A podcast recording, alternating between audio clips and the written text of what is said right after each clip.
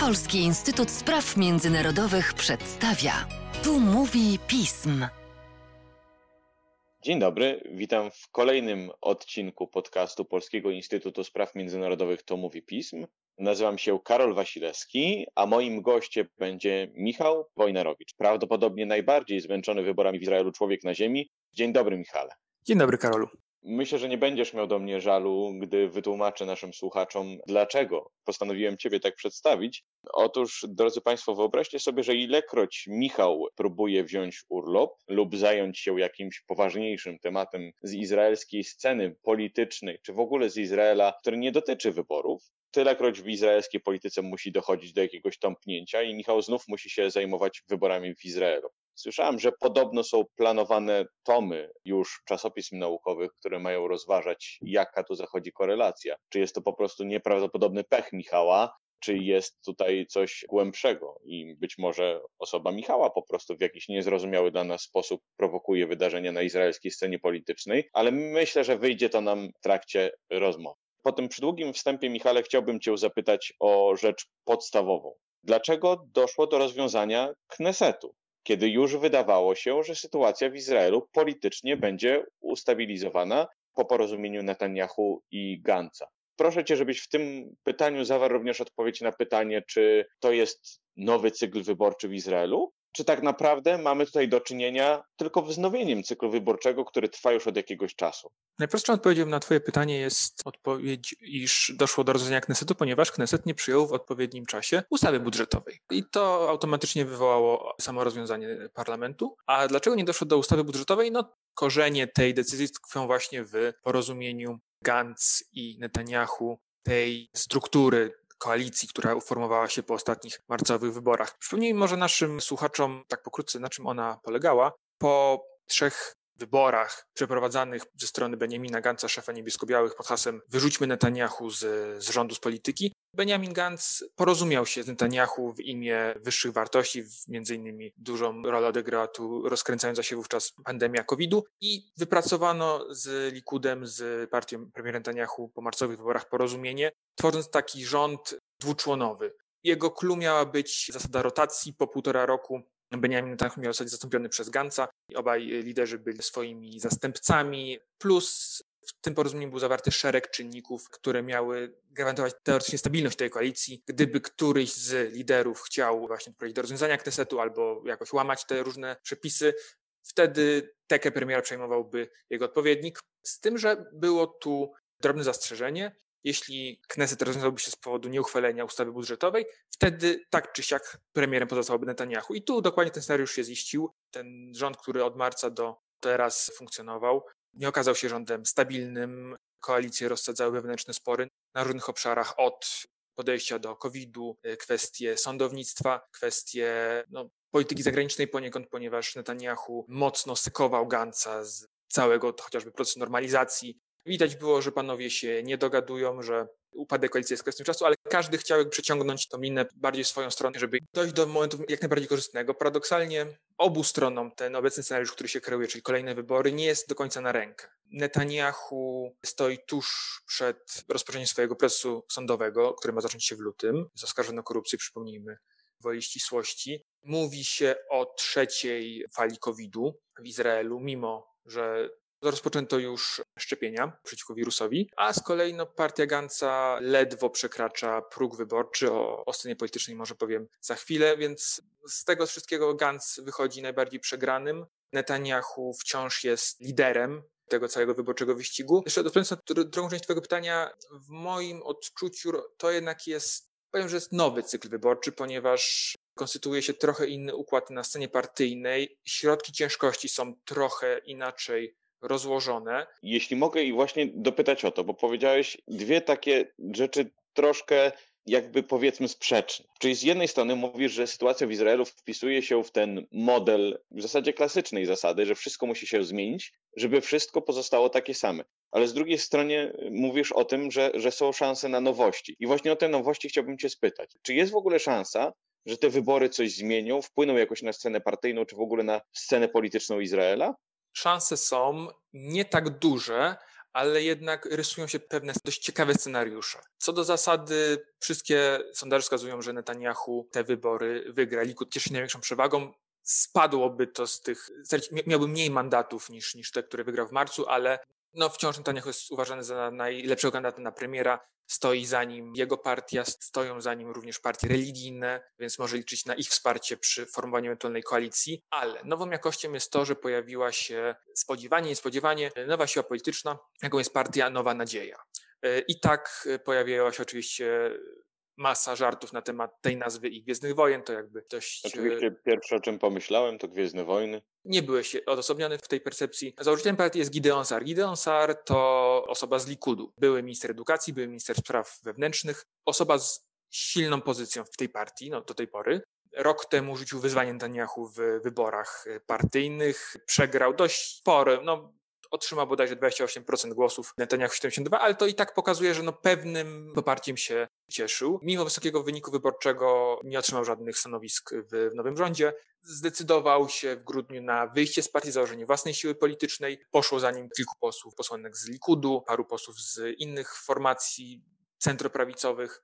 I sondaże obecnie dają mu drugie miejsce w wyborach na poziomie tak około 20 mandatów. No jego hasło też jest dość wyraźne. Netanyahu musi zostać odsunięty od władzy trudno go będzie Netanyahu określać, czy wpisywać go w narrację, że to jest kolejny element lewicy, układu, zastałych sił politycznych, które chcą go odebrać. No to mówimy o człowieku, który jest jakby no z, z, jego obozu politycznego, tak? który miejscami bardziej prawicowy od niego, jeśli chodzi o poglądy, przekonania, bo to chociażby kwestia wsparcia dla osiedli żydowskich na zachodnim brzegu, czy różne kwestie e, światopoglądowe. No Sar jest po prostu twardą, twardą prawicą jakby wokół właśnie niego będzie się gromadzić blok antynetanyahu, który do którego można zaliczyć jeszcze partię Nacalego Beneta prawicę. On jest jednym z największych tak naprawdę wygranych, jeśli można użyć takiego określenia, wygranym w wyniku sytuacji pandemicznej w Izraelu i jemu też sondaże dają wzrost na kilkunastu mandatów. Do tego że tak powiem, stary blok anty-Netanyahu, czyli partia Libermana, Izrael Nasz Dom, Jair Lapid z centrowym jest przyszłość i gdzieś tam jeszcze kołacze się na, na samym dole Gantz z jego niebiesko-białymi. I sondaże to są jeszcze wstępne szacunki, ale tym grupom, które no, łączy jakby prawicowo-centrowość, którzy deklarują się, że nie poprą Netanyahu, ponieważ no też wszyscy ci politycy sparzyli się, bo oni, to paradoksalne, ale byli ministrami w poprzednich rządach, wiedzą, że Netanyahu no, nie jest dla nich wiarygodnym partnerem w żaden sposób, tak, chociażby po tym, jak potraktował Gansa w tych miesiącach. I im sondaże nadają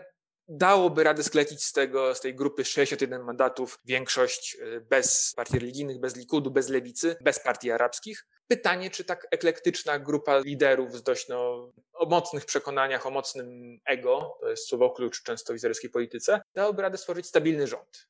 Jeśli celem byłoby tylko odsunięcie Netanyahu od władzy, ten cel jest do zrealizowania, choć wiele zależy od najbliższych miesięcy tego, co będzie się działo politycznie, ale czy to automatycznie przełoży na stabilność Niekoniecznie. Michale, ta rozmowa no, w sposób nieuchronny ciąży ku Netanyahu i chciałbym Ci zadać ostatnie pytanie na temat jego, ale zanim to, czy mógłbyś jeszcze powiedzieć słuchaczom, czy w ogóle szansa jest na jakąś nowość w kampanii wyborczej, bo w zasadzie z tego, co dotychczas opowiadasz, a to nie jest nasza pierwsza rozmowa o wyborach Izraelu, wynika, że w zasadzie tematy tej kampanii będą takie same. Pandemia, Netanyahu no i związane oczywiście z różnymi oskarżeniami korupcyjnymi wokół Netanyahu. Czy, czy zatem w ogóle jest szansa, że w tej kampanii wypłynie coś, co będzie, no może nie dominujące, ale po prostu nowe? Nie zgodziłbym się z tym, że pandemia jest starym tematem, ponieważ ostatnie wybory odbyły się w połowie marca. Wtedy jeszcze pandemia już się pojawiła, ale nie byliśmy świadomi jej skali, a na pewno nie byliśmy świadomi skali efektów gospodarczych dla całego świata. Więc y, ta kwestia gospodarcza, bezrobocia, tego, że no, wciąż nie ma budżetu, już drugi rok tak naprawdę. To wszystko będzie mocno ciążyć na Netanyahu, na jego odbiorze. Też warto podkreślić, że to doda nowe paliwo do tych sporów na linii świeccy religijni, ponieważ no dużo, dużo się mówiło i pisało w naszych tekstach o, o postawie ludności ultraortodoksyjnej wobec no, państwowych obostrzeń związanych z, z pandemią, więc to będzie pewien nowy, nowy element. Pewnym nowym jest oczywiście zmiana władzy w USA. Netanyahu mógł te wcześniejsze kampanie rozgrywać na nucie, że jest bliskim partnerem prezydenta Trumpa, gwarantuje to wsparcie dla Izraela i to mocno go teraz wzmacniało wyborczo. Teraz zgaduję, że przekazem będzie to, że on już z Bidenem współpracował, że tylko on jest w stanie zagwarantować, że ten sojusz amerykańsko-izraelski jakoś nie zostanie osłabiony właśnie po odejściu Trumpa, więc... Y, Czyli nadal Bibi jako ten gwarant stabilności w Izraelu. Tak, plus zapominajmy jeszcze o procesie normalizacji zapoczątkowanym właśnie za, za Netanyahu i to też będzie mocno podkreślane w przekazie Likud, że to Netanyahu proces stworzył, wypracował i tylko on jest gwarantem jego kontynuacji, więc przekaz Likudu będzie następujący. Oczywiście kwestia normalizacji z państwami arabskimi, przekazem wyborczym Likudu i premiera Netanyahu będzie, będzie to, że on ten proces wypracował, jest gwarantem jego rozwijania. Więc no zdecydowanie będą tutaj nowe, pewne nowe elementy, które oczywiście będziemy śledzić z baczną uwagą. Jeszcze tylko jeden drobny, drobny jeszcze asumpt. Są pewne nowe przesłanki, że być może dojdzie nawet do przełamania dość sporego tabu w izraelskiej polityce, ponieważ no, w ostatnich miesiącach była widoczna współpraca między partią arabską, jedną z partii arabskich, z Zjednoczoną Listą Arabską, a właśnie premierem Netanyahu, więc tu wchodzimy już na też nowe obszary tej całej politycznej układanki powyborczej, z kim można tworzyć koalicję, na czyje poparcie można liczyć. Przy całym jakby też, trzeba mieć jednocześnie też z tyłu głowy, że równie dobrze te wybory będą niekonkluzywne, a Netanyahu będzie grać tak naprawdę na, na kolejny długotrwały cykl wyborczy, który zmęczy przeciwników, zmęczy ten obóz anty-Netanyahu, tak aż w końcu ktoś, ktoś z niego się wyłami. I to jest dobry moment, żebym zadał Ci ostatnie pytanie, bo niestety musimy już kończyć, ale ostatnie pytanie, które chyba dobrze podsumuje tę naszą rozmowę. Czy w takim razie Netanyahu wciąż możemy postrzegać jako tego faworyta, tego, który ustawia wszystkie pionki na szachownicy i oczywiście czasem z problemami, ale nadal z grubsza je kontroluje? Czy może Twoim zdaniem jest to tak, że Netanyahu po prostu odwleka jak tylko może i w sposób rozpaczliwy katastrofę, która na niego czeka?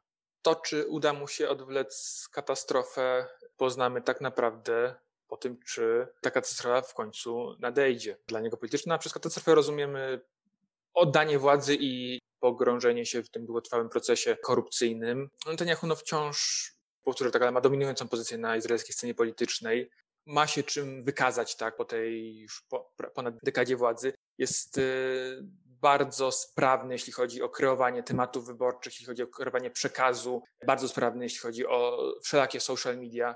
Stąd dość wyraźne jest to, że jego działania są liczone na odwlekanie procesu korupcyjnego. Jednym z warunków tworzenia nowej koalicji jeśli to jemu przypadnie budowanie większości, to będzie z dużym prawdopodobieństwem ustanowienie prawa chroniącego go przed tymże procesem. Spekulowało się też w scenariuszach, że może pójdzie na jakiś deal z prokuratorem generalnym albo wykorzysta zbliżające się w tym roku wybory prezydenckie, żeby jakby przeskoczyć na stanowisko mniej istotne politycznie, ale wciąż jakby istotne dla, dla, dla całego systemu państwowego, które też gwarantowałoby mu nietykalność osobistą.